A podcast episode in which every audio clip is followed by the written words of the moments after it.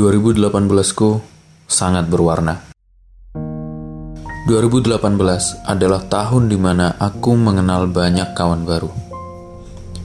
2018 adalah tahun di mana aku sempat meraih beberapa prestasi sebagai pijakan awal. 2018 adalah tahun di mana aku mulai banyak meningkatkan diri 2018 adalah tahun di mana aku bisa bertemu dengan saudara-saudaraku yang sekian tahun terpisah jauh. 2018 adalah tahun di mana aku beberapa kali mendapat sedikit titik terang untuk masa depan studiku. 2018 juga tahun di mana aku mencoba merangkai jalan menuju kehidupan baru. Tapi 2018 merupakan tahun di mana aku menjadi orang tak berguna. 2018 juga tahun yang membuat hidupku hambar dan makin hambar, hambar nan suram. 2018 benar-benar membuatku berubah, bimbang antara maju ke depan atau menyerah begitu saja. Di 2018, aku menjadi orang yang paling rendah di mata orang-orang lain, dijauhi, dihina, ditertawakan, diremehkan, kepercayaan yang hilang, dibodohi, ditipu.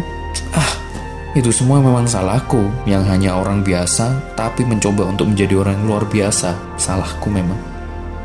Sudah mencoba tapi gagal.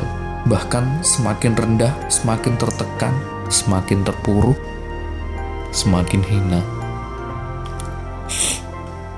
Semakin hina. Tapi Aku sadar, kegagalan adalah awal dari kesuksesan. Ya, seharusnya aku sadar, mungkin aku belum seberuntung mereka saat ini. Ini hanya permulaan. Aku masih diberi waktu dan kesempatan oleh Tuhan. Kalau aku menyerah, sama saja aku menghina Tuhan yang sudah memberiku hidup, waktu, keluarga, teman-teman, bahkan kesempatan sampai sejauh ini. Aku harus terus berlari. Biar orang berkata apa, biar orang lain memperlakukanku seperti apa. Yang jelas, aku harus melakukan yang terbaik untuk diriku sendiri, keluargaku, dan juga mereka, semua orang.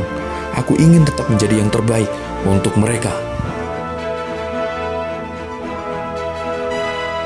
2019, aku datang.